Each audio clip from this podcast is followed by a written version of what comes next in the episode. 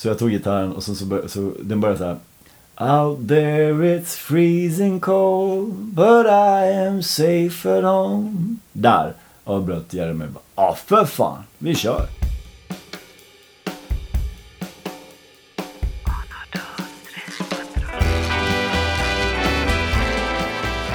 Välkommen hit Anders Wendin. Tack, tack. Den här podcasten heter Jag spelar för livet. Mm.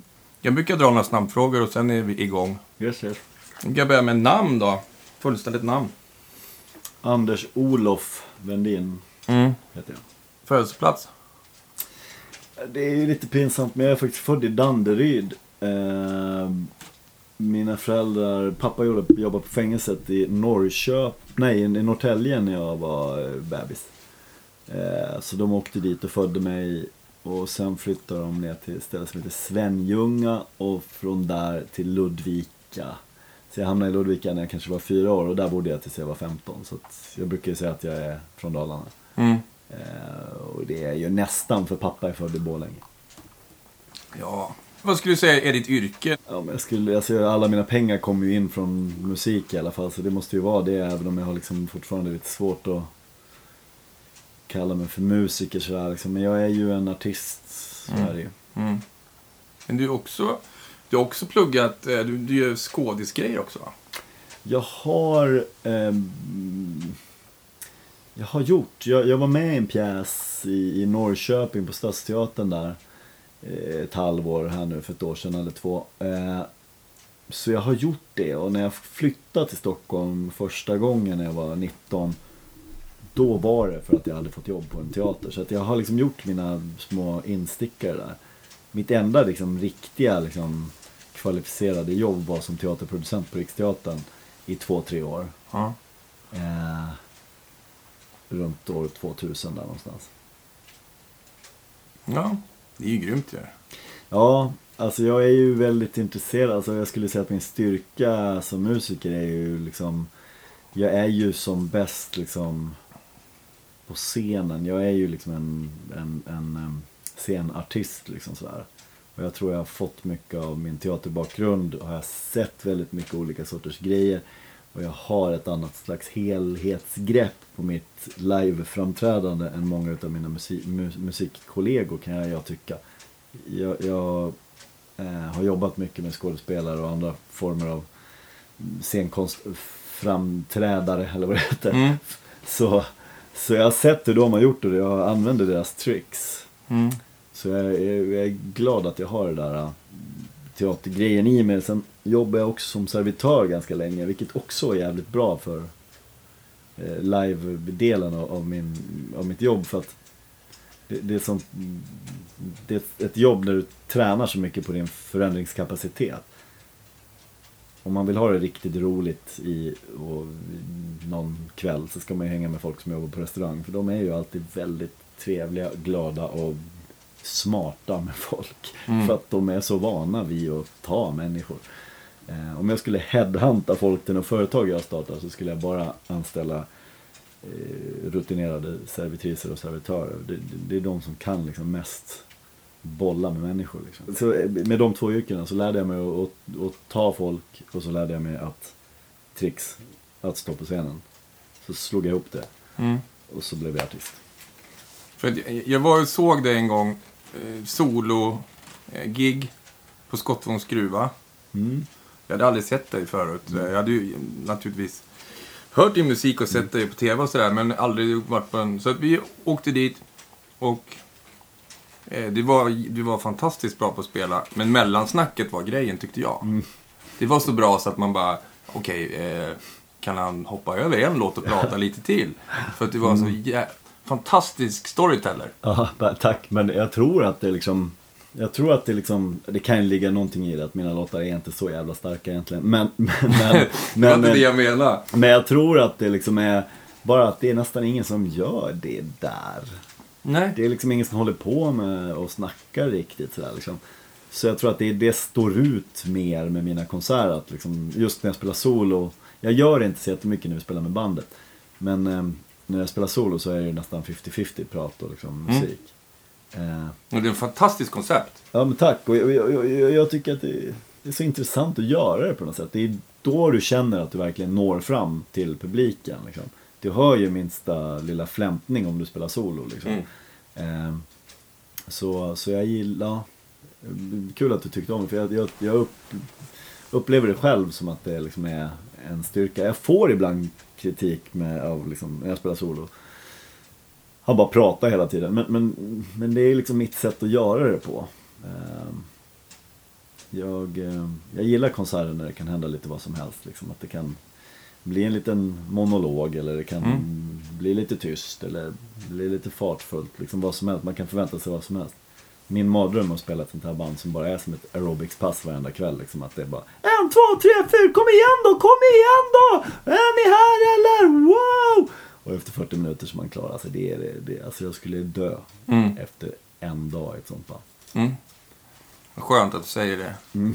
Men har det någonting med att göra, om man tänker dalmasmusiker, som Peter Karlsson Mm. och de här, eh, Claes Yngström. De har också jävligt mycket storytelling-människor.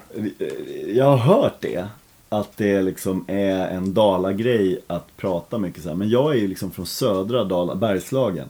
Där är det ju inte speciellt... Eh, det är inte så folk sitter hemma och berättar historier för andra. Folk är ganska inbundna, tysta och sköter sin business. Så där, liksom. det, här, det där liksom riktiga spelmansgrejen.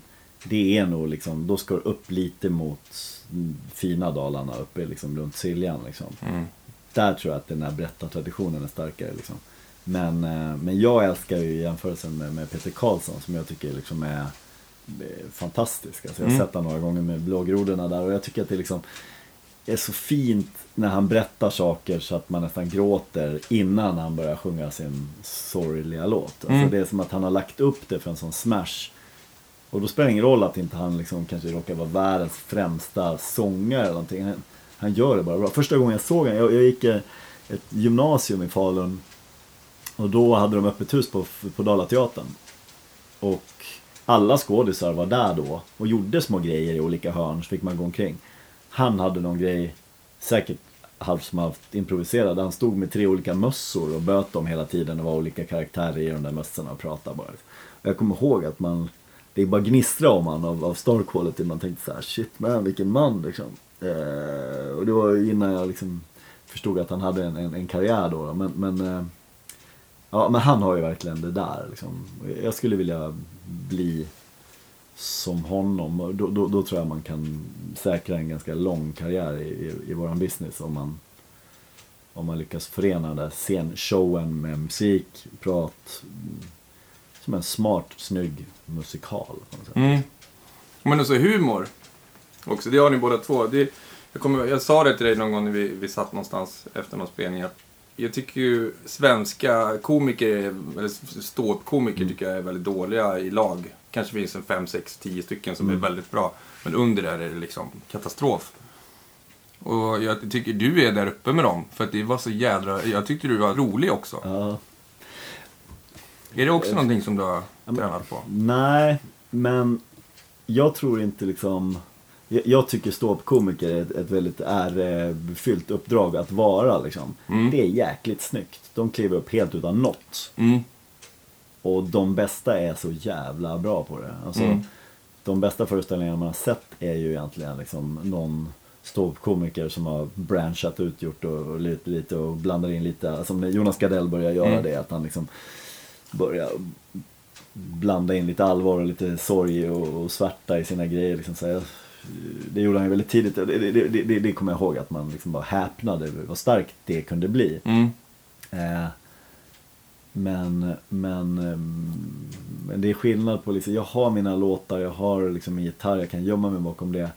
Jag tror att jag absolut skulle tillhöra bottenskiktet i, i ståuppkomikernas Mm. värld.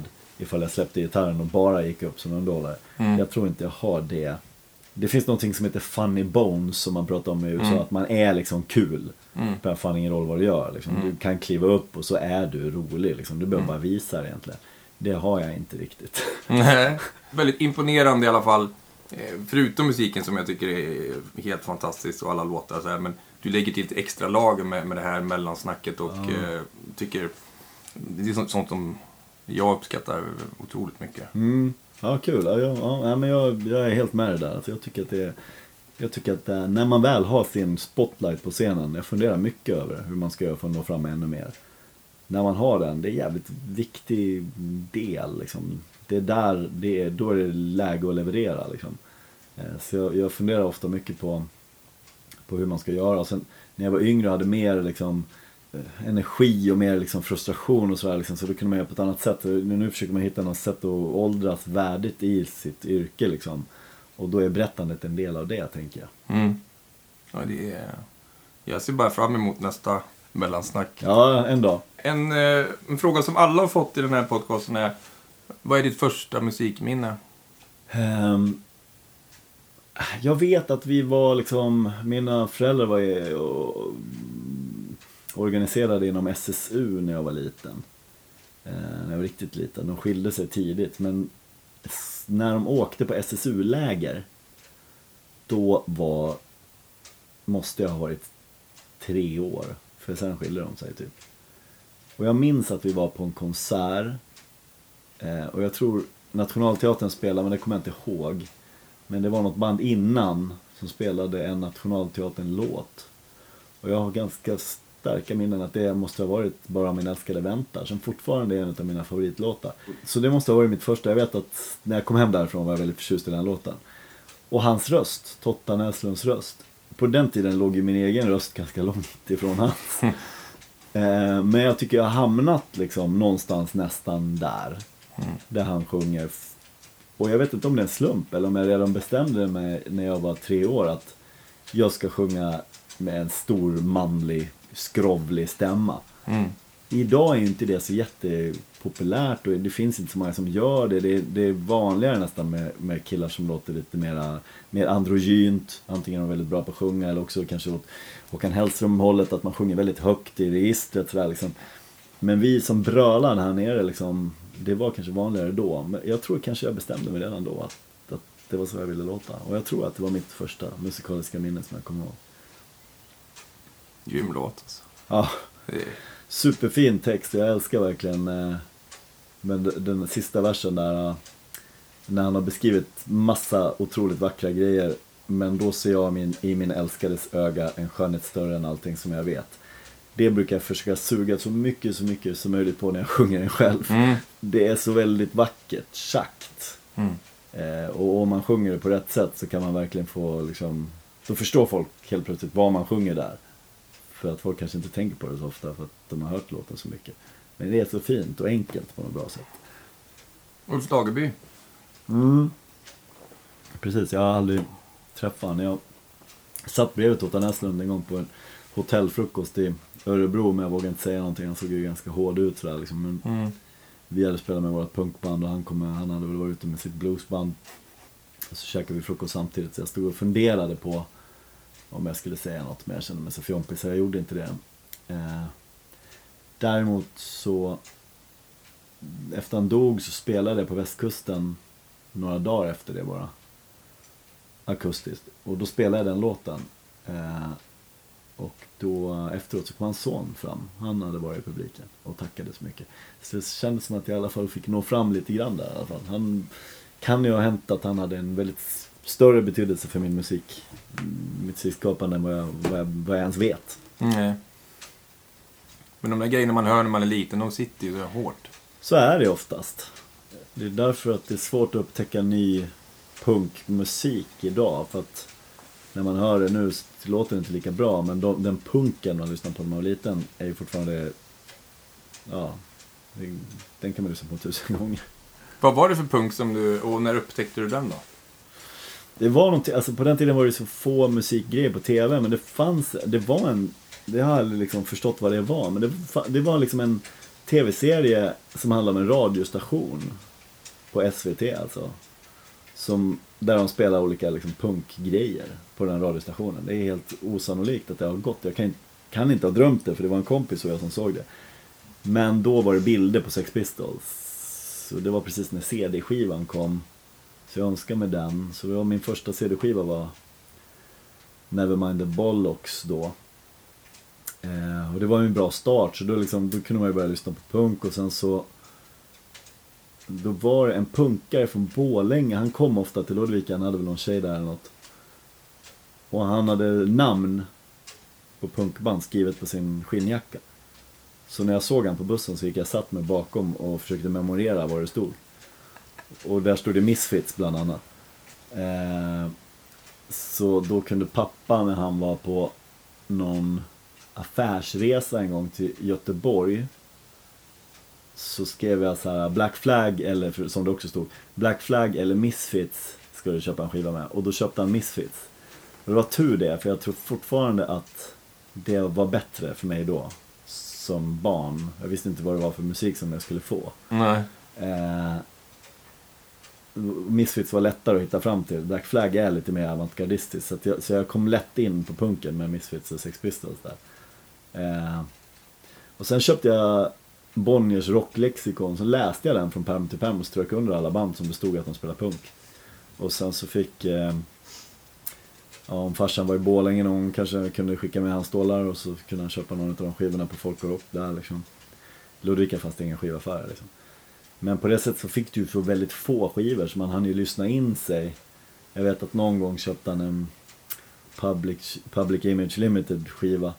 Det är jävligt svår musik alltså för om du är nio år liksom. men, men, men i och med att jag hade så jävla mycket tid att lyssna på den. För det var ju min enda skiva som skulle få på två månader. Så, så då började man gilla den. Man Mm. hade inte liksom råd att köpa dåliga skivor så man såg till att du började gilla det. Det var den där happy-skivan, den är inte så bra alltså. Men, men den, den lyssnade jag sjukt, sjukt mycket på tills Ja. den satt liksom. Eh, Så mycket av den här musiken, då, så jag lyssnade på Tom Waits och sånt då också. Captain Beefheart och såna här grejer liksom. Det var mycket för att du kunde inte ge upp på en skiva. Nej. För det var så jävla mycket pengar och så länge till du skulle få nästa. Så, så jag kunde komma in på ganska svår musik. För att jag hade så mycket tid liksom. Det blir svårare för sådana artister idag tror jag. Mm. Eh, Ja, nu är det bara next. Ja, det är det. Du orkar inte ens, knappt jag orkar lyssna på en hel skiva liksom. Så att, eh, ja, det, det är ett annat klimat liksom. Ja. Men eh, jag har för mig att din pappa introducerade dig också till uh, Waterboys. Ja, min farsa hade, han hade that going for him får man säga. Han, ha- han hade, eller har, jag vet inte hur mycket han lyssnar på musik nu för tiden, men han eh, hade en väldigt bra skivsamling. Och han köpte hem Fisherman's Blues-skivan när den kom. Och, och lyssnade väldigt mycket på den liksom, låten, eh, Fisherman's Blues. och det är fortfarande en, en av mina favoritlåtar också.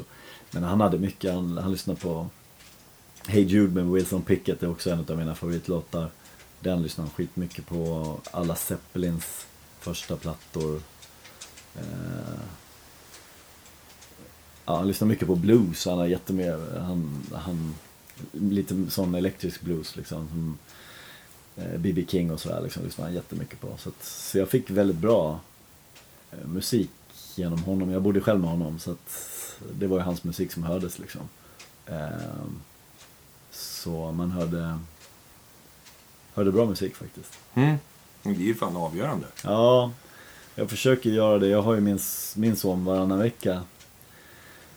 Och hans mor är helt fantastisk verkligen på alla sätt. Men, men det är liksom ingen person jag skulle vända mig till för, för musiktips. Så jag försöker ju bara överdosera han på grym musik Ja. hemma hos mig. För jag är livrädd att han får lyssna på så här gummibjörnarna hemma hos henne. Mm. Jag har sagt att inte gummibjörnarna finns hemma hos pappa. Så nej, vi har inte den här på telefonen. Så han får lyssna på annan musik här liksom. Vad, vad kör du med han då? Eh, så det, det är olika man gillar men vi, vi, vi har liksom en, vi dansar liksom en liten Han är ju bara tre år så man bär ju omkring honom men Vi dansar tryckare på kvällen och då har vi eh, Vi började med Quiet Storm med Smokey Robinson som är ganska lång. Då hinner han nästan somna innan den är slut. Men nu har han blivit så tung så att man orkar nästan inte bära den hela Quiet Storm. Så nu senaste tiden så har vi lyssnat på den här Sweet Old World med Emmylou Harris eh, istället. Och han sjunger med nu, han är duktig. Han, han kan, han hittar ord liksom så här. Och han, han kan inte direkt engelska men han, eh, han kan liksom fonetiskt sjunga med i ganska många av de där texterna. nu. Han gör det bra. Eh, så att han, eh, han visar klara tecken på att vara musikalisk, det är jäkligt kul. Bra Anders, bra utbildnings... Ja. Ja men jag tänker, han ska inte klaga på det i alla fall. Nej, precis. Han gav mig musiktips. Ja, Ja, men det, det, är, det är viktigt. Jag försöker också mina barn. De är, de är intresserade. Så när vi åker bil så här då. alla 23 eller? Alla 23 barnen. Ja. Jag tycker det är viktigt att man presenterar Ja, ja, musik. Så här, men ja. det här finns också. Ja, ja. Det är inte bara Nej, det som är på Nej. Melodifestivalen. Liksom, Och sen så tycker jag, alltså han, vi gillar ju varandra jag och han så det, det är liksom Det finns en, eh, en glädje i att kramas här liksom och dansa omkring. Mm. Och så gör vi det till bra musik liksom sådär. Så jag tycker, för det, det kommer jag ihåg. Farsan han satt på Jimi Hendrix och så som skulle dansa med mig. Eh, och jag kommer ihåg glädjen hur det var att få virvla runt där med hög musik och liksom så här. Det gjorde vi senast i morse. Vi har en grej när vi åker till dagis att vi drar ner rutorna på bilen och röjer. Då, när det kommer någon bra låt på radion så, så fistbumpar vi och, och, och ropar Woo! Och lyssnar på hög musik. Så, här. jag försöker få in Ja, glädjen i det liksom. ja grymt. Vad roligt. Mm. Ja, det är kul faktiskt. Men är det de musikerna och artisterna som har format dig som vi har nämnt? Eller finns det fler som är viktiga? Alltså jag kan se liksom att det fanns, eh, när, när, när jag var liten så, beror, så var min identitet så extremt knuten till musik. Eh, så jag, det var viktigt för mig att se ut som den, alltså om jag var hårdrockare så skulle jag se ut som en hårdrockare och allt det där var liksom, det var, det fanns, det var väldigt viktigt för mig. Så, så det har alltid varit väldigt hopkopplat så här. Och jag vet att när jag böt från punk till indie så var det lite grann för att jag behövde få upp mina betyg i skolan för jag skulle flytta hemifrån och, och jag kom inte in på utbildningen när jag sökt om jag inte hade högre betyg. Så då böt jag till en musikstil som där man folk klädde sig lite mer vanligt. Liksom. Eh, och då lyssnade jag på, på, på, på ja, Ride och sådana här liksom indie-gitarrband väldigt mycket. Dinosaur Junior och sånt. Och då, det lyssnade jag på extremt mycket och hade ett band som lät så själv.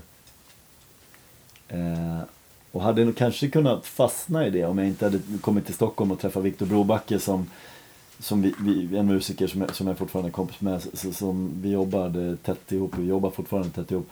Eh, och han var väldigt inne på liksom äldre och annorlunda grejer. Liksom. Soul, ska, punk och så här. Så jag återupptäckte att det faktiskt är cool musik. Jag kunde ju redan ganska mycket om sånt. Men jag hade liksom inte fattat att det kanske skulle kunna vara coolt att lyssna på. För mig har det alltid varit viktigt att vara cool. Så, så han, han, han, han eh, fick upp det han, han kanske var, fick, var den som fick mig att börja lyssna på reggae också. Liksom. Eh, så eh, så, det, så där, i, det, i det, de grenarna finns det ganska mycket musik som jag började lyssna på eh, då. Så jag skulle säga liksom Bob Marley, Van Morrison, Elvis Presley kanske. Eh, och sen punkgängen. Och blandar man allt det så, liksom är man framme i liksom någonting som Al Green också kanske. Och som du märker så är det bara killar och det är ju inte så snyggt kanske så här, men, men, eh, men om jag ska vara ärlig så är det ju liksom någon identifieringsgrej liksom. I i och med att jag är sångare så liksom har jag alltid gillat att sjunga som de här personerna. Mm. Därför har det blivit mer killar. Eh, men det är klart jag liksom eh, lyssnar väldigt mycket på Nina Simone och Ja. Eh, och sen så gillar jag eh, nya tjejer som, som Feist eller Joanna Newsom eller eh, Cat Power som, som jag tycker kanske är den mest intressanta musiken idag som är den jag skulle liksom kolla, oj det kommer en ny skiva med henne, då, då, då kanske har blivit mera tjejer men det är väl kanske för att jag hittar min stil.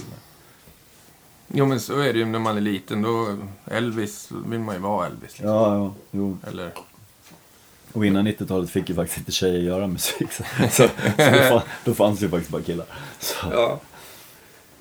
Men du var aldrig inne på så här Kiss och sånt där som alla... Jo, när jag var riktigt liten liksom. Men jag har svårt att se liksom hur man som vuxen fortfarande kan tycka att det är så jävla bra. För det är, jag tycker att det är lite åt det platta hållet liksom. Mm. Så, så jag... Eh, ja, Det, är- det är lite som Star Wars liksom. ja Eller- lite som Star Wars faktiskt. Jag tyckte Eller jag också var jävligt cool när jag var liten. Mm. Men, eh, Det är inte som man springer till bion nu. Nej, Tyvärr, jag hade gärna gjort det men... ja, nej men jag håller med. Det är lite som Star Wars. Deep Purple och Led Zeppelin och kanske jag tycker det finns någon flera dimensioner i musiken så, här, så jag kan lyssna på det fortfarande och tycka det är grymt. Och sen så tycker jag liksom, jag lyssnar hellre på liksom någon black metal skiva än att lyssna på någon eh, house-platta. Så här, liksom. jag, jag tycker fortfarande att det Jag har märkt att jag är väldigt gitarrberoende. Mm. Så här, liksom. Jag tycker att bra musik ska ha en gitarr. så, Ja. så tycker jag oftast.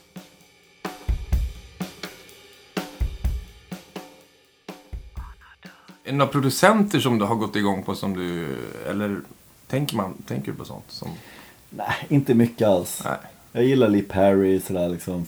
Det liksom väldigt jordigt, coolt ljud på de dubb-grejerna som han gjorde på 70-talet.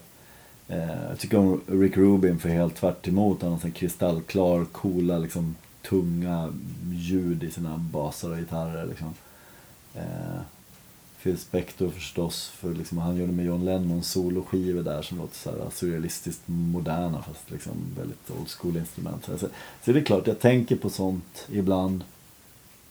Men, eh, men jag är ingen studiokille, jag är liksom live-kille. Så, så, att jag, så, jag, så inte speciellt jättemycket. Jag förstår först några år efter att jag har liksom blivit kär i någon skiva att ljudbilden antagligen var en stor del av det. Mm. Eh, och många av mina egna skivor har jag inte tyckt om när de har kommit för jag tycker det är ett konstigt ljud och sen har jag förstått efteråt att det är faktiskt ganska bra ljud. Så, så liksom, ja, det är skillnad. För ni hade ju ett band ihop, du och Viktor, om som hette Monster. Mm. Det var det bandet som ni slog igenom med. Mm. Där på väggen här bredvid så är det omslaget till andra monsterskivan taget av den idag världsberömda fantastiska fotografen Helena Blomqvist som gick i mitt gymnasium. Mhm. Hon, vi var ute på Sankt Eriksgatan och ställde upp den här högtalaren och killen som är storebror till den där tjejen startade några år efter den där bilden togs Cheap Monday och nu behöver man inte hålla på med sånt där längre. Men Nej. så, så att det är många stora artister och framgångsrika karriärer som kommer ur den här bilden då. Ja, verkligen. Tyvärr så, jag och Viktor vi fortfarande kämpar med våra konstiga instrument. men, men ja, det är kul att få vara en liten del av någon annans succé. Hur länge höll ni på med Monster?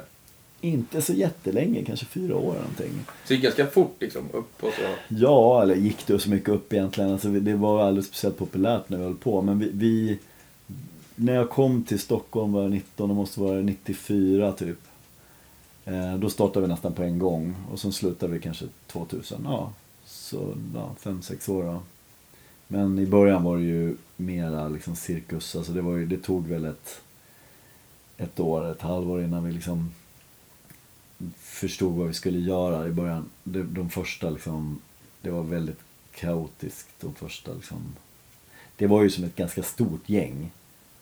Och sen var det några medlemmar som trillade av innan det egentligen blev ett band av det. Liksom för att från början var det som en cirkus med det. Var, alla fick vara med och det var liksom, skulle egentligen bara väsnas. Liksom så här. Det var jävligt kul däremot för jag fick ju jävligt många kompisar då jag har alltid varit väldigt seriös med musik så jag hade väldigt svårt för det där liksom bara anything can happen och nu kan du göra en låt och liksom, hon måste få sjunga också och du vet så här, liksom, jag bara det här låter ju inte bra så för, för mig var det väldigt svårt att vara med i det bandet i början. Sen tog jag kanske tillsammans med trummisen där över mycket av låtskriveriet.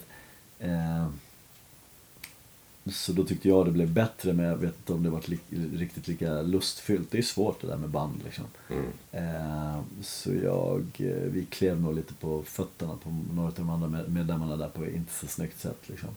Men, eh, eh, men, men några av dem är ju for- fortfarande eh, mina bästa kompisar. Krille som producerar mycket musik idag är fortfarande inblandad i nästan allting jag gör. Och, och Viktor är i det i högsta grad. Så båda två är ju, var ju med i Monster.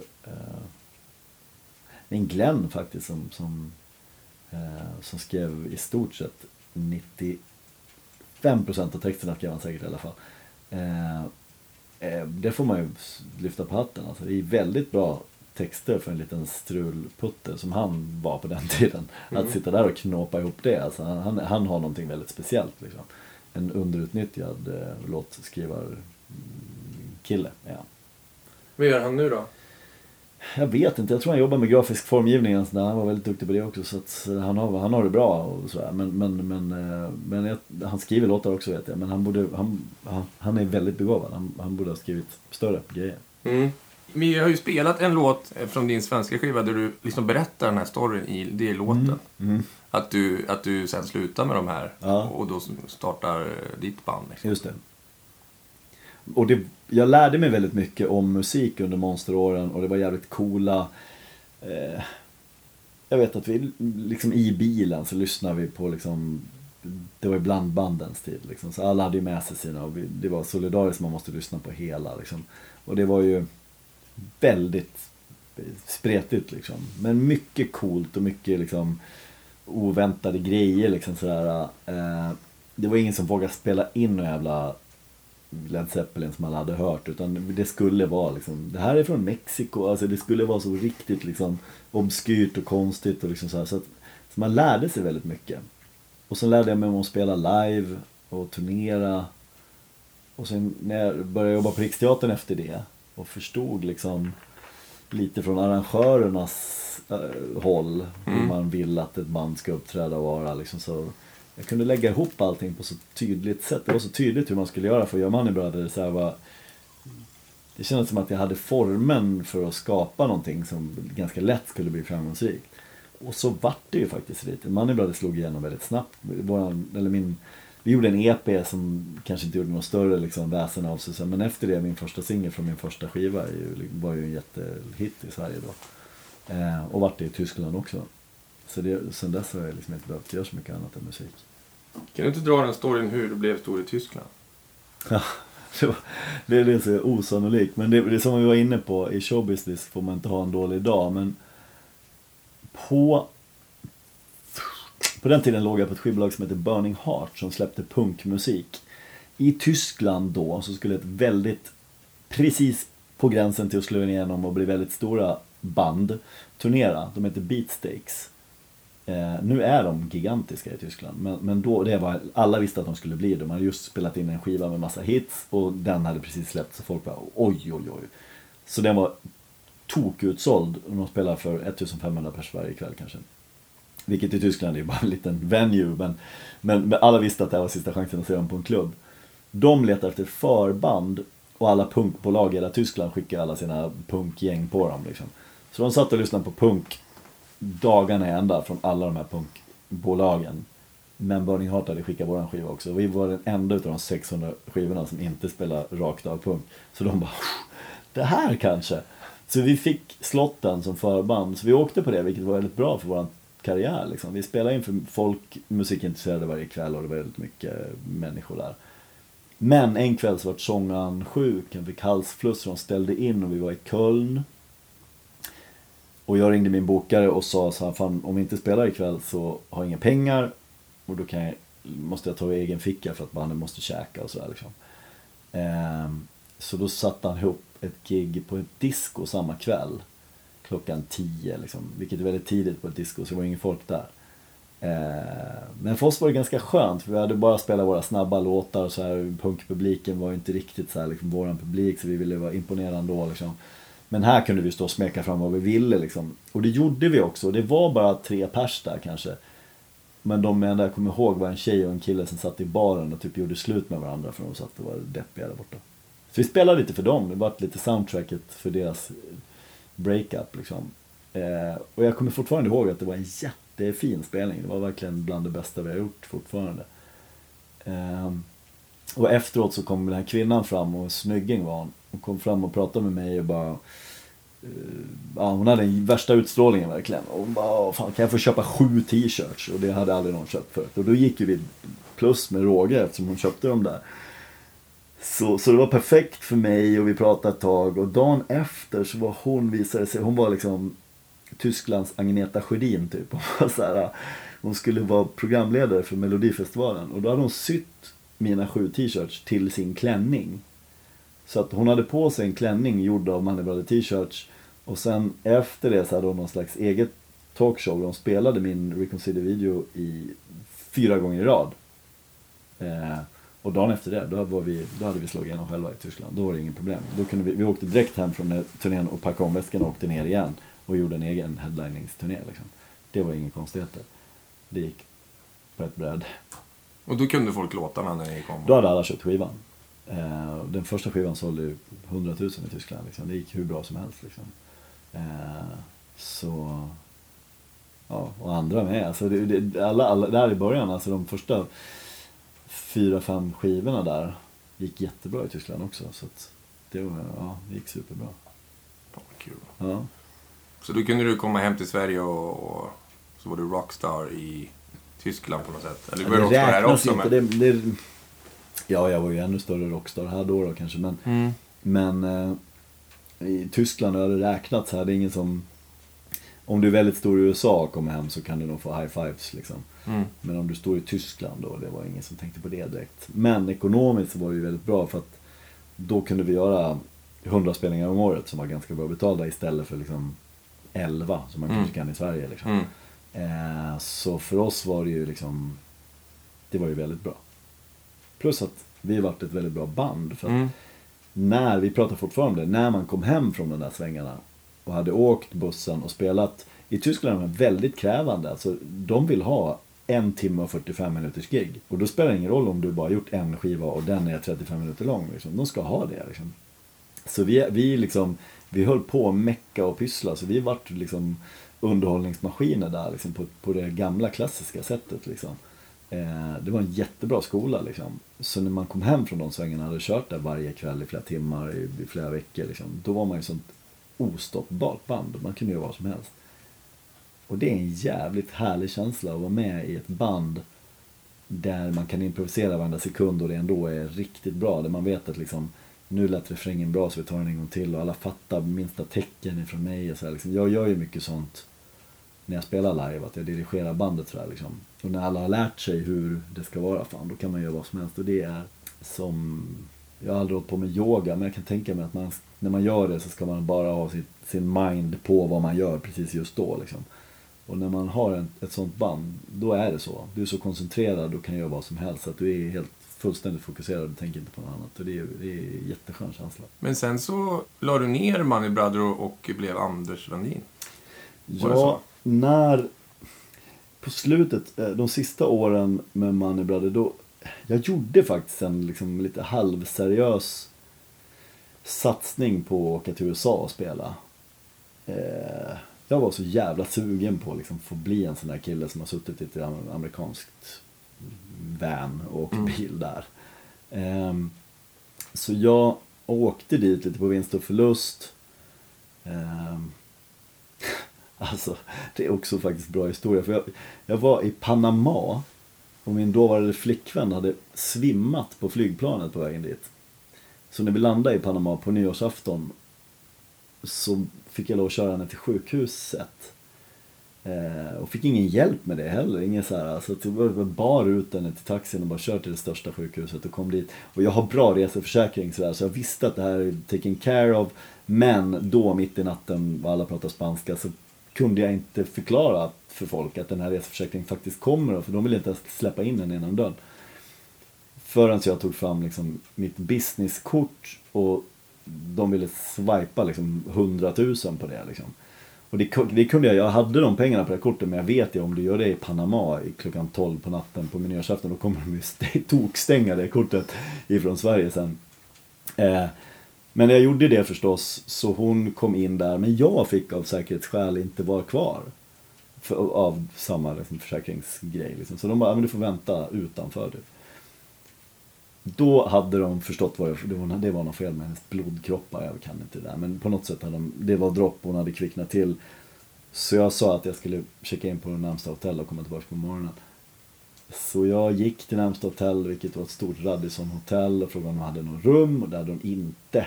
Och så förklarade jag situationen, så här, min tjej är på sjukhuset här bredvid liksom. Eh, så hade de sviten kvar och klockan var verkligen kvart över elva på nyårsafton. Så det är ingen som kommer köpa den. Så Jag kan inte betala era liksom, 15 000 spänn för den. Liksom. Jag förklarar, jag har inte ens ett kort längre. Liksom. Så jag fick den för det, ett och fem eller sådär.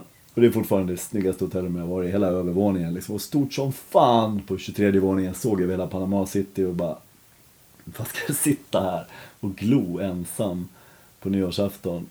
Eh, så jag åkte ner i baren istället och satt med där, så satt själv där istället.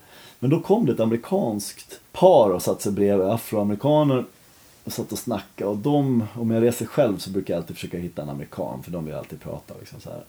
Så vi började snacka lite och när de skulle gå så frågade jag om jag fick följa med och förklara situationen. För jag, liksom, jag, jag kommer inte kunna somna. Det så, här så jag fick följa med dem till någon konstig fest utanför någon 7-Eleven. Det var en sån här långbord med så gangsters som åkte ner för att tvätta pengar i Panama. Det var en riktigt rowdy jävla crowd. Och jag kände att för att imponera så gick jag in och köpte jättemånga bira på 7-Eleven och ställde dem på bordet. Bara, det här har mig, det kostar ju bara 100 spänn. Men det var ju så här, det, det var en snygg gest, tyckte många. Så jag, jag, fick många kompisar runt bordet. Och hon kvinnan i det här gänget och jag började prata och det visade sig att hon var i musikbranschen. Hon var manager åt Dead Press då som var ett hiphopband som är sjukt coolt verkligen.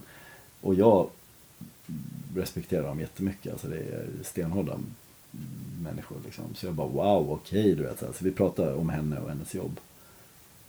Sen skulle hon till Stockholm bara några veckor senare. Sen skrev jag upp mig på gästlistan när Dead Press spelade på, på Södra Teatern. Så jag gick och kollade. Och då sa security när hon skrev upp Anders Sundin. Så bara, är det den Anders Sundin? Och jag hade inte sagt att jag höll på med musik. Liksom. Och det blev hon så imponerad av. För i USA pratar alla så mycket om sånt. Mm. Så hon frågade på stående fot om jag ville ha en manager i USA. Så jag hade samma, liksom, så jag den här Dead Press-tjejen åkte omkring då och gjorde min första turné tillsammans i USA. Som med lite hjälp av Hives manager som jag också känner liksom så här, blev en lite av en liksom, lite av en framgång. Sen slutade vi jobba ihop för att i USA är det så extremt uppdelat med liksom street music, liksom den svarta musikscenen och den vita musikscenen. Så liksom, det, det, det, ja, det är verkligen liksom två helt olika världar. Så det gick inte att jobba tillsammans. Vi är fortfarande polare men, men men då fick jag en annan manager där, fick en bra bokare liksom. Så i tre år så, så spelade jag säkert över hundra spelningar om året där. Med ett amerikanskt band. Så jag åkte som moneybrother med amerikanska musiker. För jag har inte råd att flyga över eh, svenska. Men där får du ju sjukt bra musiker för inga pengar alls liksom. Så det var bra. Så vi körde coast to coast hundra gånger och spelade där i tre år. Men sen eh, så träffade jag en tjej här och hon blev gravid. Eh, hon tyckte inte om så mycket när jag reste så mycket och eh, när graviditeten började bli liksom, eh, det hade gått några månader så ville jag inte resa heller. Och sen kom barnet och sen så skildes vi åt och sen är jag varannan vecka farsa och eh, jag har egentligen varit pappaledig i tre år. Men precis när ungen kom så då satt jag här där vi sitter nu så hade jag gjort en liten studie här så, så skrev jag och spelade in de låtarna som, som blev Anders Sundin-plattan. Så det var lite sidoprojekt sådär liksom. Mm. Jag ville göra någonting på svenska, jag ville liksom lite annat format och det var väldigt, ja, som den låten vi pratade om, Kompis mm. farsa, där väldigt liksom, ja, som en berättelse egentligen. Liksom. Det känns rimligt att det skulle heta Anders, Anders Vendin liksom. Eh, för jag inte hade gjort det. Eh, och så visste jag att jag aldrig inte skulle spela utomlands med den plattan. Så det är lite synd kanske för att jag, jag, jag, tänker liksom om det är någonting man kommer ångra liksom i, i framtiden så här, Jag tänker fortfarande mycket på att det hade varit roligt att spela mer i USA. Det fanns liksom, det gick verkligen inte bra, det kan man inte säga. Men det fanns liksom små, små tecken på att det fanns något slags momentum. Sista turnén vi gjorde, då kom det faktiskt lite, lite, lite folk. Vad är lite, lite folk? Ja men du vet, om det första turnén vi gjorde inte kom någon folk. Vi spelade i Little Rock i Kansas och det kom ingen. Det var min, det var enda gången. Det brukar alltid vara en där. Mm. Men nu, nu kom det ingen. Men sista, vet du, vi spelade på eh, Bottom of the Hill i San Francisco. Och det var kanske, ja men säg att det var i alla fall 40 pers där. Mm. alltså, du vet. Men, men liksom, fan 40 pers i San Francisco som kommer och kollar på ditt band. Alltså jag kände, det är ju sjukt mäktigt liksom. Mm. Fan, det svåraste är ju att komma upp från 1 till 200. Det, det är ju det krångliga. Mm. När du väl har fått 200 då, då kan det rulla på. Men Men det jobbiga är ju att liksom komma upp dit. Men får du upp det till 40 sådär liksom, så man då tar sig ut och köper en biljett, fan. Det är liksom, du vet att det är liksom 400 konserter den kvällen i San Francisco. Liksom, så att vad fan, ja kanske. Och sen liksom gör du några förbandsturnéer till på det liksom. Så. Det hade kunnat bli någon grej liksom som, som, som i alla fall skulle kunna gå plus minus noll. Men, Eh, men det är för mig en sån magisk upplevelse att få sitta med så här eh, folk från USA i en buss och prata amerikanska och åka omkring på vägarna och bo på motell och dricka bourbon och du vet såhär, fan alltså jag tycker det är så, alltså jag, jag, jag eh, Faktiskt nu, bara för några veckor sedan så åkte jag till New Orleans och sen bilade jag därifrån själv till Austin. Bara för att få åka igen. Eh, och bara för att få liksom, sitta på de där barerna så liksom, bara, för att, eh, bara för att jag tycker så mycket om det. Eh, så, så jag fixade barnvakt några dagar så jag kunde vara borta i alla fall tio dagar. Eller någonting, så här, bara för att få en, en chans på det. Men jag vill inte vara borta så mycket från min son så jag kan inte egentligen. Det är omöjligt. Jag, det går inte att få ihop det. För att om du ska göra en seriös satsning på USA så är det bra om du inte är 60 år gammal och har ett barn som du ska se varannan vecka. Så, så i mitt fall är det kört. Men, men ja, jag kommer nog ibland att tänka tillbaka på fan det varit kul att, att spela med där. Ja, man måste nästan vara där hela tiden. Ja, du måste nästan vara där hela tiden. I alla fall spela där i alla fall sju månader om året. Så här, och det, det går inte riktigt. Det finns ju två svenska akter som ligger ganska nära dig, eh, i, alltså musikaliskt tycker jag då, eller som har gjort den här grejen. Det är ju eh, Tålest Men och Tålest och mm. eh, de här tjejerna, vad heter de då? Eh, de två systrar som spelar. Ja, First Aid Kid. Ja, First Aid Kid. De har ju ändå... Ja, men de, har ju spenderat otroligt mycket tid där. Verkligen, och Torres Man on Earth tror jag liksom var där innan. Liksom. Jag vet när jag kom till Portland första gången, då snackade alla om han. Han är ju fan från Dalarna liksom. Och jag hade aldrig talas om Jag bara, va? Who is that? Liksom. Och de bara, fan och han är från Sverige, du är du också, wow. Så jag bara, ja. Han är från jävla Gagnef typ. Mm. Och jag hade ändå inte talas om honom. Så de gav mig hans första skiva. Jag bara, shit det här är riktigt bra verkligen. Och när han spelade på de småklubbarna som vi spelade på i, i Portland då, då var det kör runt hela kvarteret. Liksom. Alla skulle gå och kolla. Eh, med, den, med, med det rätta, för att det, han, är, han är ju otrolig. Eh, så han gjorde ju en sån, liksom, knegat sig upp på något sätt. Liksom. First Aid Kit är nog en, en, annan story. Jag tror där är det mer för att det är en sån väldigt speciell akt. Liksom. Väldigt bra musik. Två jävla mästersångare som har sjukt bra stämmor. De är liksom, de hade nog liksom kunnat slå igenom. De är så pass bra så att folk ser det. Det är en mm. grej liksom. Eh, en liten kille med gitarr, liksom, så här, det, det, då måste du liksom, det måste vara lite speciellt tror jag. Liksom. Ingen kan motstå First Aid Kit när de börjar sjunga. Liksom. Det är magi. Mm. Liksom. Så, att, så, det var, eh, så det är väl lite olika liksom, men de har nog åkt jävligt mycket van de också i början. Ja, ja. First Aid Kid gick bra ganska snabbt va? Ja, så att de, de liksom, plus att de var för unga för att köra själva. De, mm. hade, de, hade, de hade nog folk som satsade på dem där borta. Mm. Alltså, då behöver du inte åka de där första, när du åker alltså buss själv, när du kör mm. ensam. Mm. Eh, om, om du har ett skivbolag i ryggen så slipper du ofta det, men jag, det hade jag aldrig. Så. så. Fick du köra runt på de här musikerna då? Ja, de är ju också så jävla vana liksom. För de tyckte inte det var något konstigt att sätta sig i bussen i Denver och åka ner till Los Angeles i tre dagar. Alltså så här, liksom, det, det, var, det bara gör man liksom. Utan en amerikansk jättebra gitarrist med liksom han, han hoppar in i en van och sätter sig där utan att ens få hotell på nätterna för 500 dollar i, i veckan. Så här, liksom. Det är inget konstigt, det gör han direkt. Alltså, du kan få sjuka musiker där för inga pengar alls. För att alla, det är därför de blir så jävla bra. För alla måste prestera, det finns så jäkla mycket folk som vill det. Så när du väl blir bra, då har du gjort de där hundåren som garanterar att du blir ett, ett riktigt djur på, på att turnera och spela musik. Liksom. Mm. Det var underbart att se. Hade du någon slags liksom audition då? Liksom? Prova olika trummisar eller liksom, hur gör man? Jo, det hade vi faktiskt. Det var så jävla bra i... ibland får man ju bara en feeling för någon, så man har ingen audition riktigt liksom. Men, och ibland har man det så här. Och det var en gång, då var det en basist som vi hittade på Craigslist, som är deras Blocket typ. Eh, han hade bilder på sig själv också. Sjukt snygg kille. Med någon jävligt cool gammal 70-talsbas liksom. Eh, och vi mejlade lite fram och tillbaka och han hade just kommit ur, han har gjort Hedwig and the Angry Inch off Broadway i New York liksom, som basist då. Och då är det ju duktiga, men alla vill ha det jobbet förstås. Så jag var okej, okay, du vet, liksom så här, jag menar, jag, jag, jag, jag har sett den föreställningen, kan du spela de låtarna då kan du lira mitt. Liksom. Det är lugnt liksom. Och sen ser du ut som Gud. Så, så, mm. så du kommer vara ett jättebra tillskott mm. i bandet.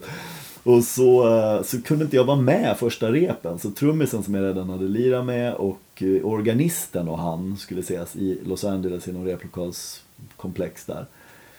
Och han ringde min manager då och sa att han hade tappat bort sin bas. Så att eh, hans assistent fick åka och köpa eller låna en bas.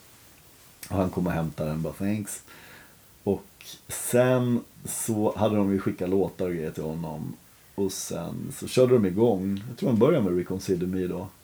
Trummisen, liksom, en, två, tre, fyra börjar spela liksom. Och sen ska basen komma in. Och han står bara, han ser ut som Gudfader själv liksom. Står bara och svänger med sin bas liksom. Men han spelar inte. Så trummisen slutar bara, där kan du börja liksom. Låt det gå mm. några takter, där kan du börja sen. Alright, ja vi kör så. En, två, tre, fyra, kör igen. Och han börjar inte igen liksom. Och de bara, men du, där måste du börja liksom så här. Nu kör vi, tredje gången. Fortfarande står bara liksom digga med, liksom se ut, alltså, han, du vet. Men han börjar inte spela. Och så, och trummisen är ingen liksom konflikthanterare av hög rang liksom. Så, men han bara, men du. Nu, om vi ska repa, vi kan ju det här. Så vi är ju här för dig nu. Så du måste fan lira nu. Liksom. Mm. Eh, vill du ta någon annan låt eller liksom, ska vi börja på det? Han bara, nej men kör din vibb, liksom, kör din yeah man och du vet allt vad det är. Och de hugger igång fjärde gången och han, han börjar inte spela. Så eh, då säger trummisen så här, fan jag orkar inte och du vet så här, är det någonting du vill spela eller vill du liksom bara inte lira liksom? Han bara, ah, glider ur det på något så här amerikanskt sätt. Och sen Ehm, Ja, så vi, han kan ju inte spela. Han, har ju, han ljuger ju och ser bara cool ut. Och, eh, så assistenten får åka hem till honom och bara be att få tillbaka på basen och han och gråter för han vill så gärna göra den här turnén och du vet allt vad det är liksom. Så det, många gånger så gick det åt helvete men liksom men andra gånger liksom så här, fan. En, han organisten där till exempel, han, han var också Craigslist. Ung kille, han var inte gammal alls alltså. Han kom med han var 20 kanske. Wes hette han. Vi är fortfarande skitbra kompisar. Jätteduktig sångare. Jätteduktig keyboardist. Eh, och en så här artig, liksom, rakryggad liten kille liksom. Så att han kunde prata med alla promoters och så här på ett jävligt bra sätt liksom. Och hans liv liksom, han hängde ju med mig på turné i två år. Så att jag ser, han, om man tar en bild på han när han åker med första liksom, i sina töntiga kläder från när han blev liksom så här sjukt cool efter två år för han har varit på turné överallt. Liksom. Ja, det är klart. Jag såg ju liksom hans frilla var häftig helt plötsligt. Så här, han, var, ja, vet, man ser fortfarande när han lägger upp någonting på Facebook så här, fan han, ser li, han, ser, han är lika cool idag liksom. Han har blivit cool. så, så ja, jag fick många bra kompisar där liksom. Eh, det var jävligt kul faktiskt. Men han med basen fick aldrig hänga på ändå? Nej, Nej, det var en tjej som, eh, som eh, hon var med för det mesta. Men henne, hon hade så extremt konstig kostläggning så det var så jävla svårt att ha henne på turné. Hon var någon så speciell sorts vegan, så var mycket så frukter och grejer och det skulle vara färskt och du vet. Och i vissa delar av landet så fanns det inte och då åt hon inte och vart jättekonstig och svimma och du vet. Så det var så här, hon var cool, vi kom jävligt bra överens men tack vare hennes så här kostgrejen så var hon jättekrånglig att ha med i bandet för hon var liksom sur ibland. Liksom så här. Men, men vi, ja, hon fick hänga med ändå för det var ju bättre än den där posen. Så hon var med mycket ändå. Så jävligt, alla, tjej, alla killarna var kära i henne för hon såg cool ut på scenen och sådär. Liksom. Eh, det var ett skönt gäng där faktiskt. Eh, en kille som heter Chuck, en svart snubbe som spelar trummor också jävligt tuff men väldigt moody så här, liksom kunde också gå en vecka ibland utan han skulle prata och så förstörde lite stämningen så här. Eh, ja, mycket coola karaktärer som var med. För orkar du med det då? Det skulle jag aldrig ha orkat i Sverige förstås. Liksom här är det... Jag brukar, Norpan som spelar trummor med du känner ju honom, Mm. spelar trummor med mig nu. Han är ju, det är ingen som kan klaga på hans trumspel, han är ju fantastisk på att spela. Men, men hans största egenskap är ju nästan att han är sånt djur på att turnera. Så det är fan inget problem med honom. Nej. Han vet att saker och ting löser sig och han kan ta egna initiativ. Så här, man, om man ska vara musiker i 30 år i världens minsta land så det, måste det vara som honom. Liksom. Du måste kunna gå upp med vem som helst, inte ta saker och ting personligt, hoppa i bussen och hålla tyst om det behövs. Liksom. Så här, han, det, han är ett sånt bra föredöme att ha i bandet för när det kommer in någon youngster så kan de kolla på honom och säga bara Ah, det är så. Man, det är sådär man sköter sig när man är i ett band liksom. Så jag älskar ju att spela med sådana som honom här. Men, men där kändes det som, det är ju ändå inte på riktigt. Samma med pengarna som man inte tjänar. Alltså, Okej okay, Okej om du vill betala 9 dollar för den här spelningen, det spelar ingen roll. Det här är bara, det är bara på lek. Du vet, så här, jag hade ju, då hade det ju gått ganska bra ganska länge i Sverige. Så jag hade ju lite stålar och spelade in som ingen roll vad jag fick egentligen. Eh, så det var ju bara på, det var nästan roligt att ha med någon konstig kille på trummor som man kunde liksom klura ut vad det var för någon. Så ett socialt experiment Ja, liksom. men det var ju det. Liksom. Det- var som att jag fick vara med i ett amerikanskt band. Det vill ju alla. Så, så det var ju bara så kul att sitta med de amerikanerna och känna som att man är en i bandet. Sen ibland kunde jag ju ringa någon kompis och prata svenska om dem. Eh, för det var, någon gång var det någon som jag absolut inte kom överens med. Det var någon basist, annan också som, han var tråkig liksom. Men då kunde jag ringa och snacka med, snacka skit om dem fast vi var i samma buss. Det gick. Du tog aldrig med dem till Sverige och bara nu ska vi åka till Sverige ska ni få spela för fler än Jo, 40 det pers. var liksom. en gång en av dem, Michael Slaven hette han. Han var jävligt hård dude. Han spelade gitarr. Och han kom över en gång, för jag behövde en gitarrist i Tyskland. Vi skulle göra två festivaler, det var ganska bra betalt. Jag hade ingen gitarrist och ville imponera på honom. Ville lite grann att han skulle se att liksom, det kunde vara läge att vara, liksom, vara med i mitt band. Så han fick ju komma över till Sverige. och Så kommer jag ihåg att den samma dag han landade, landade typ på morgonen, då hade en kompis till mig precis tagit helikoptercertifikat av det. Så han skulle ut och flyga för om jag ville följa med. Så han landade på Arlanda, så vi körde direkt någonstans och flög helikopter ut över Stockholms skärgård. Jag bara, "Ah, eh, vi låtsades inte om som att det var liksom, jag hade ju aldrig flugit helikopter förut.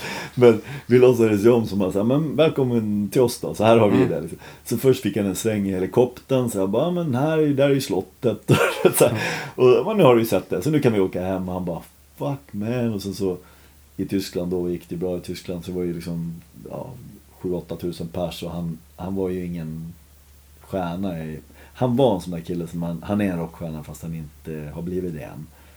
Men så jag, det var härligt att stå och titta på honom när han fick stå där bara inför alla de där människorna bara "Hej!" Man såg att han, han hörde hemma där.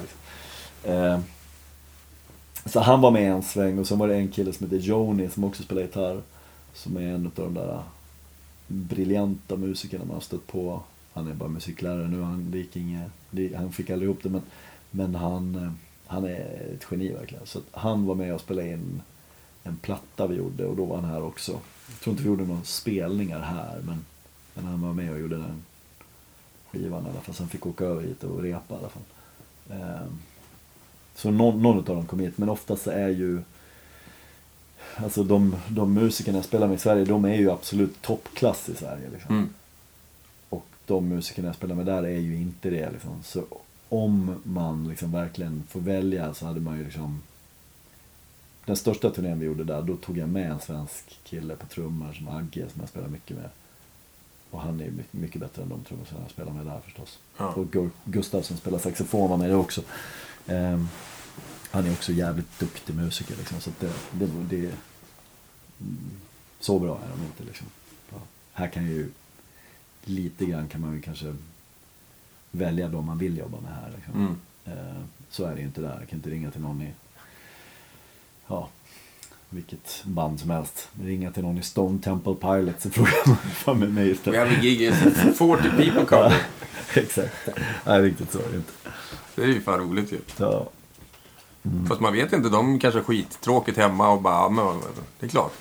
ja, det var någon trummisen i Mighty Mighty Boss Tones ville vara med och göra en, en turné. Sådär.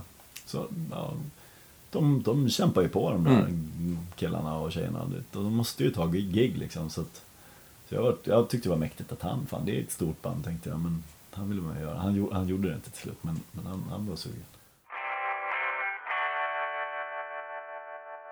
Du har ju spelat in en julsingel med Jerry Williams, det tycker jag är stort. Mm. Ja, det, det tycker jag också. Det är det största jag har gjort tycker jag. Eh, Ringde du han och bara, tjena? No.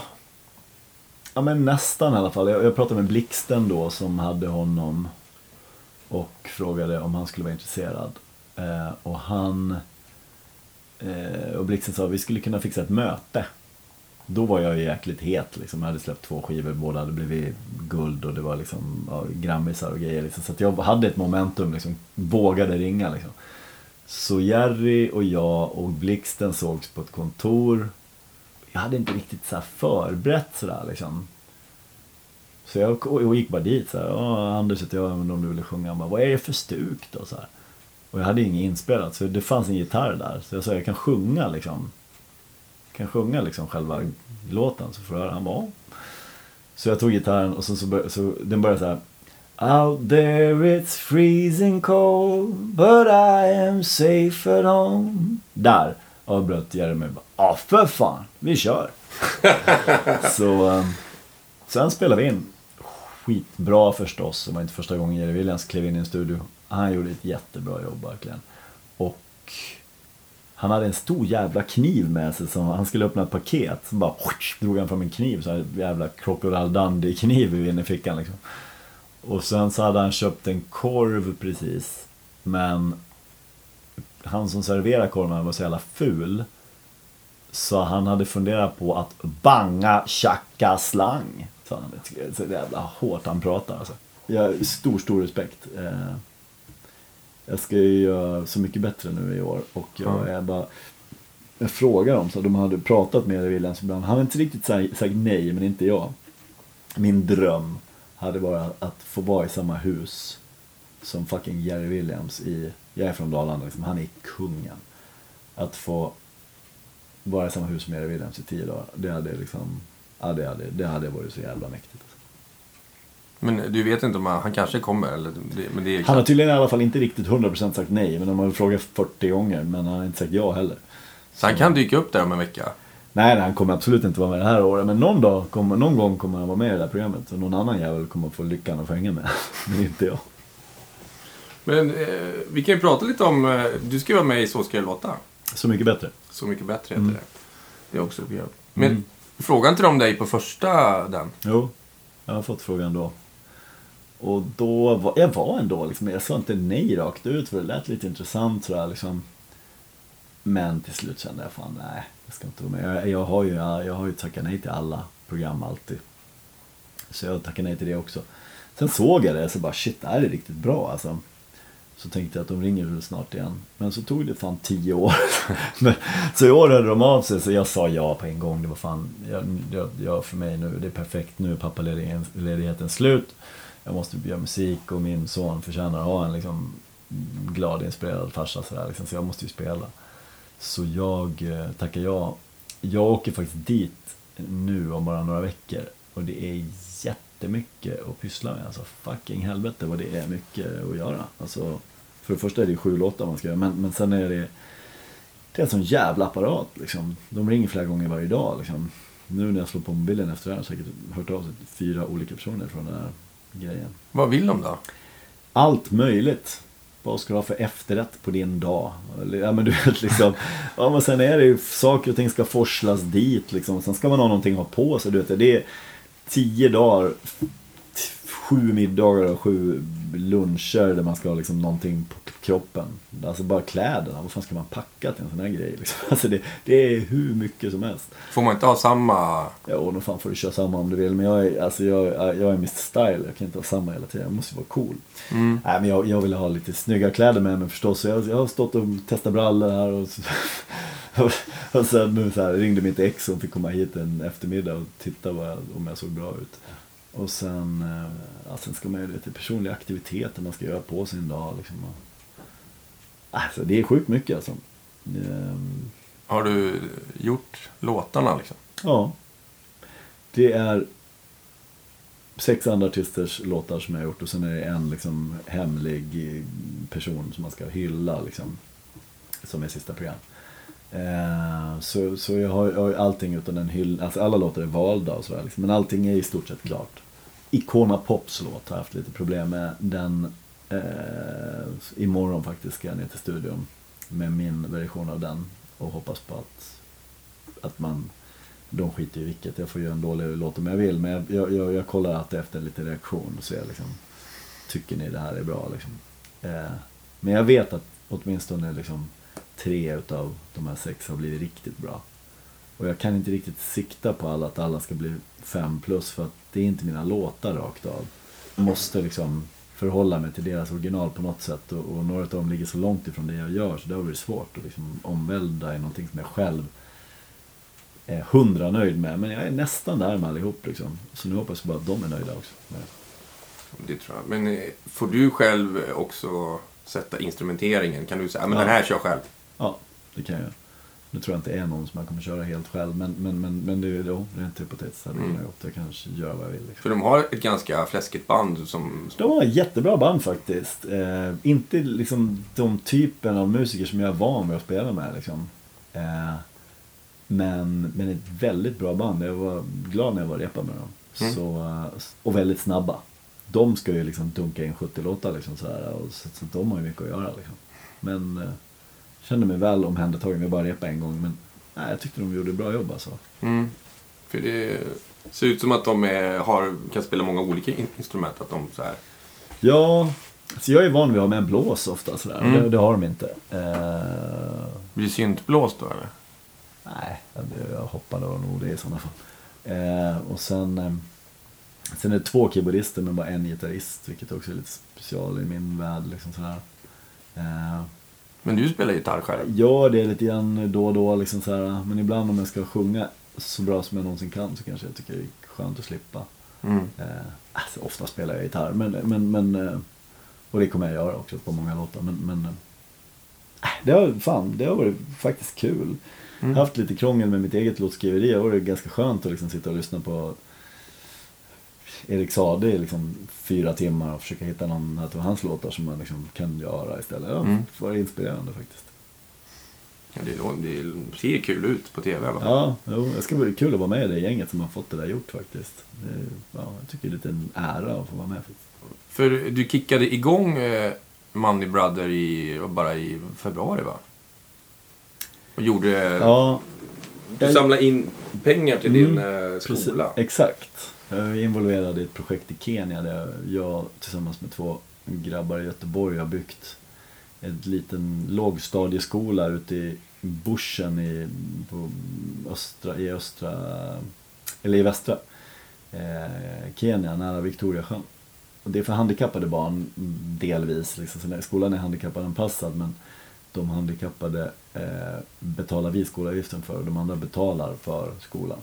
Så vi hoppas att den en dag att den ska rulla av sig själv helt. Och, eh, men den är klar nu den här skolan och vi håller på att bygga ett extra klassrum just nu. Men så vi drog in, jag drog ihop gänget och körde två konserter på Victoria teatern heter det va? Och fick in nästan 250 000. Det är fantastiskt. Ja, vi kan nästan bygga en till skola för de pengarna. Så, att, så, att, det- så det är på en plats i världen man får mycket för stålarna. Liksom. Och som det var Kisa Nilsson som jag spelade bas med, han sa så här, jag drog ut ett sms till alla.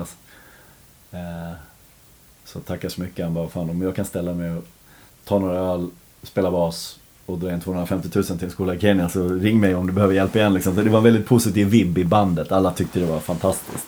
Eh, det var verkligen jättebra konserter också, vi spelade länge, långa, långa fina konserter. väldigt roligt. Så, så det var första Moneyball-giggen jag gjort på, på flera år. Mm. Men jag fick verkligen mer smak. Det är många av de gamla Moneyball-låtarna som jag verkligen gillar.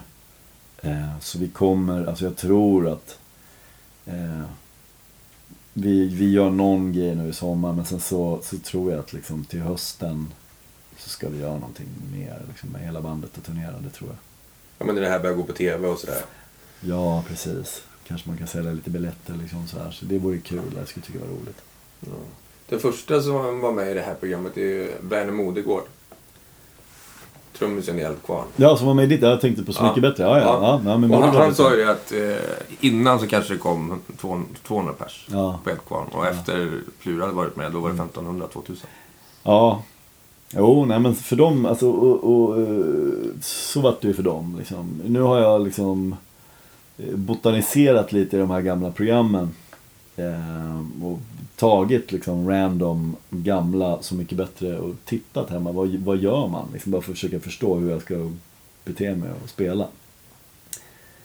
Eh, och det är ju inte alla, alltså Plura är väl en av dem som har haft högst utväxling på sin Mm. karriär. Magnus Carlsen och Weeping Willows. Det, det, det, där händer ju någonting väldigt tydligt efter Miss showen. Liksom så här, ja, Miss Li och några till liksom.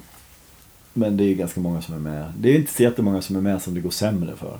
Så, så om jag bara kan komma på någon slags mellannivå så är jag nöjd. Men, men jag är ju ganska bra på att spela inför sju personer i ett rum. Det har jag gjort hela mitt liv. Liksom. Ja. Så jag tycker konceptet borde ju passa mig. Ja. Eh, Ja, vi får se. Ja, är, jag ser fram emot att kolla på det här nu. Ja, Vilka är de andra? Det är någon Icona Pop. Icona Pop, Erik Saade, Thomas Andersson Wijk, Kikki Danielsson, Uno Svenningsson eh, och Sabina Dumba. Ja, Där fick jag alla. Ja, kul gäng alltså. Ja, Kikki Danielsson har ju jävligt mycket bra låtar. Hon skulle jag vilja göra. ja nej, det, det var absolut inget problem. Kikki var är väldigt lätt. I hennes katalog finns det så extremt mycket. Och många låtskrivare som har varit inblandade så här. Liksom, ja, det, det, det, var, det var enkelt. Det var nog det enklaste. Eh, sen Thomas Andersson, vi och jag är lite beröringspunkter. Liksom, det är lite så här kille med gitarrmusik. Liksom, så det, där kunde jag också ganska lätt hitta någon. Uno var ingen större problem där heller. Det, Erik Saade kanske var svårast, det är liksom den som är längst ifrån i liksom uttryck sådär liksom. Men det är klart, alltså, fan, det ska bli kul att se. Fan, ska Kikki Danielsson ställa sig och sjunga någon av mina låtar? Det, det, det blir lite spännande att se. Alltså. Ja. Får de också välja dina liksom, Anders Wendin-låtar, de svenska? Ja, jag tror de bara får köra på alltså. De får nog ta det som, ja, nej, de får nog göra vad de vill. Den, den är så jävla bra. Det är också en sån här, eh, som du sa, med att nöta in en skiva. Mm. Vi, vi spelade ju för ett år sedan och jag, och Mm. då jag hade jag ju inte hört de här så fick jag lyssna på de här, ja men du vet, 2000 gånger för att jag skulle Ja, liksom lära mig Ja, dem. det. Ja. Mm. Jag försökte ju nå dig och få, har du några ackord? Och du bara ha ha ha fick jag sms. Så att då... så, så den skivan kan jag, den är, Ja, det är det, är nog den skivan jag lyssnade på mest förra året. ja, det är snyggt alltså. Ja, Jag, eh, ja, jag, jag, ibland får man de där frågorna. Kan du skicka koden? Man bara, skärp dig. jag, har inget mer skrivet någonstans på någon låt som jag... Där sitter väl fortfarande, sen jag spelade in, det är väl liksom de flesta av låtarna är uppskrivna med lite tecken innan på väggen här. Och vilka låtar som är klara, vilka jag borde lägga sång på. Den sitter kvar sen inspelningen. men det var någon låt det var så här, som var så här tonartsbyte varannan. Ja, ibland så håller jag på att pyssla med sånt. Man sitter här hemma och liksom bara känner att man ska... Jag gillar tonartsbyten. Mm. Eh, det, det är frowned upon ibland bland seriösa musiker. Men en av mina största, alltså Billy Walls Around Us, det är inte så många som tänker på det, men den är ju fan fyra tonartshöjningar i eller någonting sånt där. Liksom. Den är ju bara att klättra hela tiden. Jag tycker om man gör det snyggt så, Mm. fan Stormy Weather, en annan utav mina, många gillar den låten, där är tonartshöjningar. Kompis farsa är det, det är Mm. i... Den gick åt två håll, det var inte... Ja, ja nej, den är fram och tillbaka. Ja, så, liksom, ja. så, så alltså, jag tycker om att byta ibland. Liksom. Jag tycker det blir en helt annan, liksom, eh, mm, det blir som en cool konversation i en låt om man liksom byter ibland sådär lite grann. Jag tycker om det. Mm. Jag använder det också nu i Sabina Dumbas låt kan jag avslöja. Det här om vi kliver in i någon tonartshöjning liksom. Som inte finns i hennes liksom. Eh, jag tycker det är kul ibland. Ja.